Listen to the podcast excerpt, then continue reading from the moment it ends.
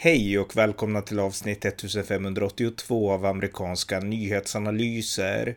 En konservativ podcast med mig, Ronny Berggren, som kan stödjas på swishnummer 070-30 28 95 0. Igår den 9 juni 2022 höll det amerikanska representanthusets särskilda 6 januari-kommitté sina första offentliga förhör som därtill visades i direktsändning i amerikansk media. Kommittén skapades för att utreda händelserna som förelåg stormningen av Kapitolium den 6 januari 2021. Här berättar jag om kommittén och den första dagen av de offentliga förhören. Varmt välkomna! Ja, nu har det gått ungefär ett och ett halvt år sedan stormningen av Kapitolium den 6 januari 2021.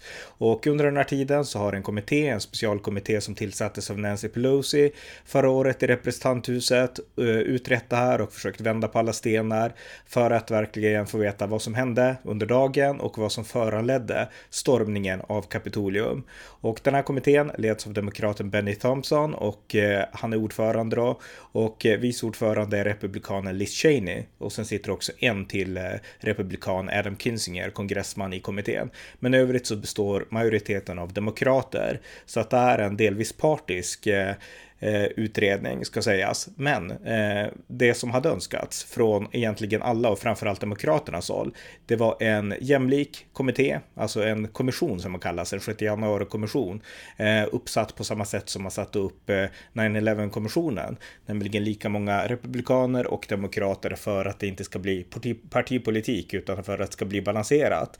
Eh, det här sa Donald Trump nej till och han fick sina republikanska kollegor att säga nej till det och det blev ingen fullskalig med stor eh, utredning, utan nu blir det mer en övervägande partisansk eh, utredning i ett utskott i representanthuset. Så att det är det det här handlar om. Och eh, när man kommenterar det här i svensk media så måste det ändå betonas att det finns en partiskhet i den här kommittén.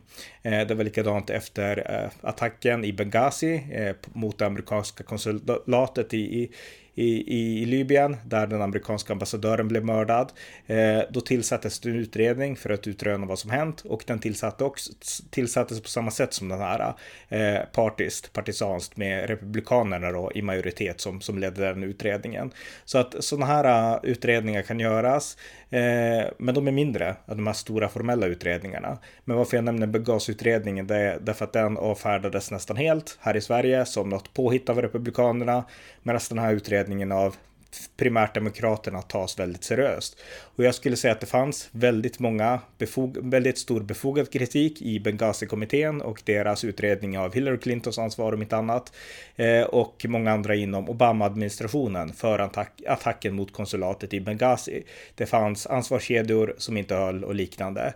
Och eh, det har nästan helt ignorerats, såklart av demokraterna i USA men också av svensk media. Så att det finns en slagsida. Och eh, här så tycker man ju i mångt och mycket som demokraterna gör. Alltså man är emot eh, stormningen, man är kritisk till republikanerna, till Donald Trump och då köper man den här utredningen rakt av. Så att det problemet har vi, en obalans när det gäller den svenska rapporteringen om de här sakerna. Eh, med det sagt så tycker jag också att den här, precis som Benghazi-utredningen, har gjort mycket nytta och grävt fram väldigt många saker. Eh, och det behöver göras. Jag hade helst önskat en fullskalig bipartisansk eh, kommission kommission hade önskat. Men Republikanerna sa nej till det och då får man nöja sig med det man har och det är den här kommittén. Och eh, mycket som har framgreps är bra och eh, allt är inte helt nytt, men väldigt mycket nytt har de fått fram och de har lyckats lägga bra pussel som, som jag verkligen tycker behöver läggas, ska sägas. Så att jag stöder den här kommittén. Men eh, de som säger att den är partisk, de har rätt, för den är det. Så att det är viktigt att veta det också. Men hur som helst, det var alltså det första eh, offentliga förhöret nu som hölls. Och eh, i det här förhöret då så intervjuade man, eller förhörde, två personer. Dels en poliskvinna som var eh, DC Police Officer som tjänstgjorde då den 6 januari 2021 och hon hade arbetat sedan 2017 i jobbet som polis och hon berättade om när hon eh, försökte stoppa de här eh, eh, upploppsmakarna från att komma in. Hon höll emot ett staket, hon blev knuffad och föll i marken och slog sig hårt och svimmade. Och jag tror hon fick eh, någon form av tårgas sprutat på sig också.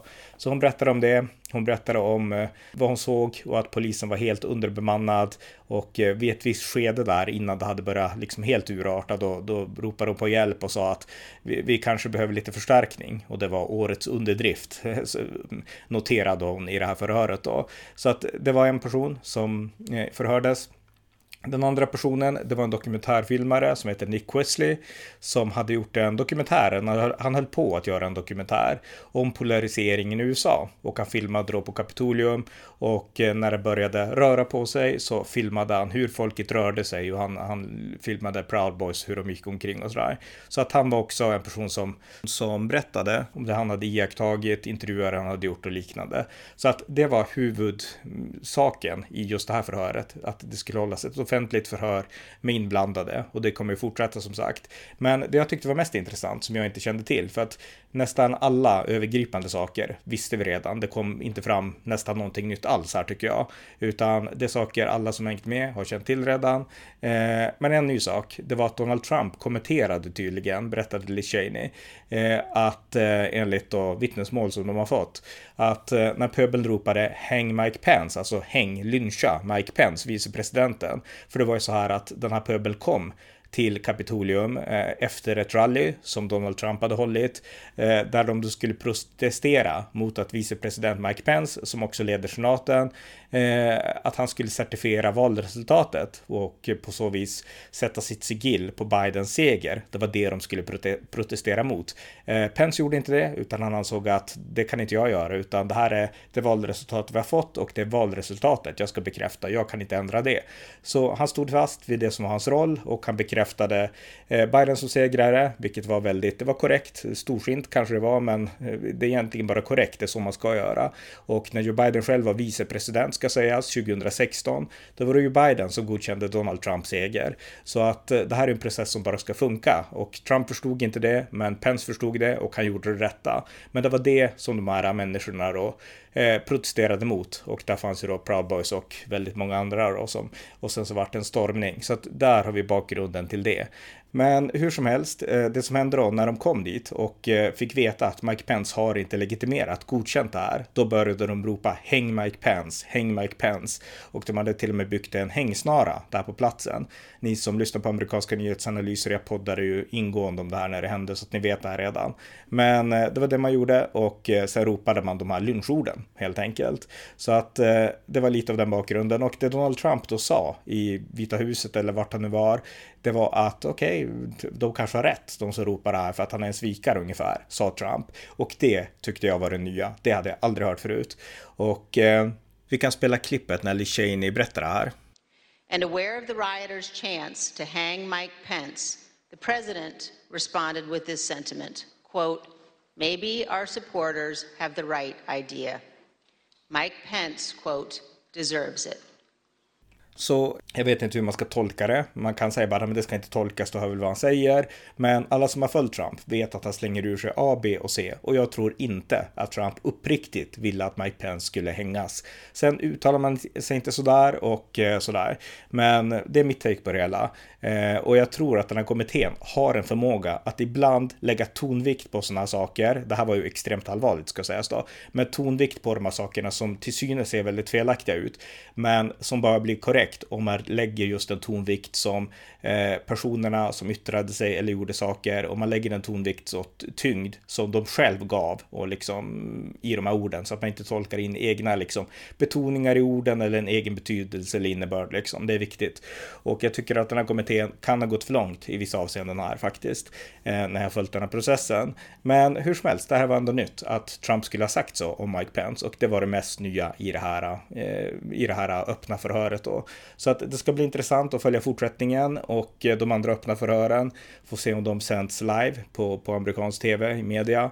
Men eh, intressant och eh, med stor sannolikhet om republikanerna tar över kongressen i höstens mellanårsval så kommer den här kommittén att försvinna. Då kommer republikanerna att lösa upp den därför att Donald Trump vill inte ha den och det republikanska partiet är i stor utsträckning mycket lojala mot Donald Trump. Eh, Liz Cheney, hon står inför omval eh, och eh, hon kommer sannolikt eh, att förlora mot sin eh, motståndare, primärvalmotståndare som är tydlig Trump-anhängare. Adam Kinzinger, han kommer inte att kandidera igen så att de här är ute på liksom eh, vad ska man säga för något, Tunis, båda två, eller framförallt då Liz Cheney som kandiderar till omvalen då. Men hon har sagt så här att jag är rätt och jag tror på det här och det kommer att komma tid när Trump är borta och då kommer de republikaner som nu av ren populism bara haka på Trump-tåget, de kommer att skämmas och jag kommer att ha gjort det rätta. Det är hennes inställning. Och jag har stor respekt för Liz Cheney. Jag har stött henne långt i hur länge som helst. Cheney-familjen, Bush Cheney. Jag kampanjade för Bush och är en stor fan av Bush. Så att, eh, jag gillar Cheney, Liz Cheney också, följt henne, skrivit om henne ofta. Många inlägg här på amerikanska nyhetsanalyser och sådär. Så att eh, jag tror att hon är också en av de sunda delarna av den här utredningen ska sägas. Därför att eh, eh, Demokraterna, de har en förmåga att, alltså de vill ju skada Republikanerna också. De avskyr Trump, de vill skada Republikanerna.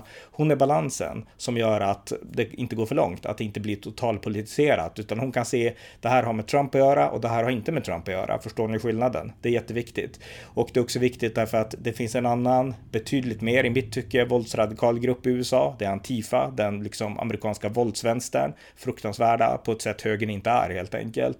Och eh, de har Demokraterna i mångt och mycket ignorerat, eh, i synnerhet under presidentvalet 2020. En sån som Liz skulle aldrig ignorera Antifa, kan sägas. Så att hon har en styrka där också. Alltså hon är emot våld, hon är emot alltså, sådana saker. Och det här är hon ju emot i synnerhet, därför att det här hennes familj, Cheney-familjen, är djupt bevandrade i amerikansk historia. Hennes mamma har skrivit böcker om amerikansk historia och eh, man är djupt konstitutionalistiska och det här betraktar man som ett brott mot den amerikanska konstitutionen. De som gjorde det här och att en amerikansk president hetsade fram det här, det visar att Trump har ingen respekt för konstitutionen och då är det vår plikt att stoppa honom. Det är det som driver Liz Cheney och det har jag stor respekt för. Så att jag stöder den här kommittén i mångt och mycket för att hon sitter där. Eh, så att, eh, ja, så vi får se hur hur det fortsätter och fortlöper om nästa framtida förhören. Men det var lite kort min sammanfattning om det. Och eh, jag skrev en Twitter-tråd också kan sägas för er som följer mig på Twitter. Eh, och den heter, eh, den skrev jag idag, mitt take på januari 6-kommittén och svensk media. Och där går jag igenom lite grann, dels det kommittén pratar om, men framförallt övergripande, de saker som svensk media har missat när det gäller det här. Därför att jag tror ju inte på Trumps valteorier eh, och jag har skrivit mycket om det ingående. Men det betyder inte att jag tycker att svensk media har hanterat det här bra. Man har missat viktiga faktorer som just det här med att Antifa är våldsamma. Proud Boys, de är inte våldsamma mot civila medan Antifa är det till exempel. Man har missat sådana saker, man har missat eh, Trump-fenomenet, att 95% av Trump-anhängarna är absolut inte våldsamma, utan Trump-rallyn är alltid fredliga och så. Och jag skriver lite om de här sakerna som jag anser att svensk media har missat helt enkelt. Och eh, ni som vill kan läsa och dela den tråden. Men det här var i alla fall mitt take, lite kort, och min kommentar om det första offentliga för förhöret från 6 januari-kommittén i USA. Det var avsnitt 1582 av amerikanska nyhetsanalyser. Det vill mana alla er som har möjlighet att stödja valfri organisation som bistår Ukraina i dessa tider. Ni som bara vill stödja podden kan göra det på swishnummer 070-30 28 95 0. Det var allt för idag. Tack för att ni har lyssnat.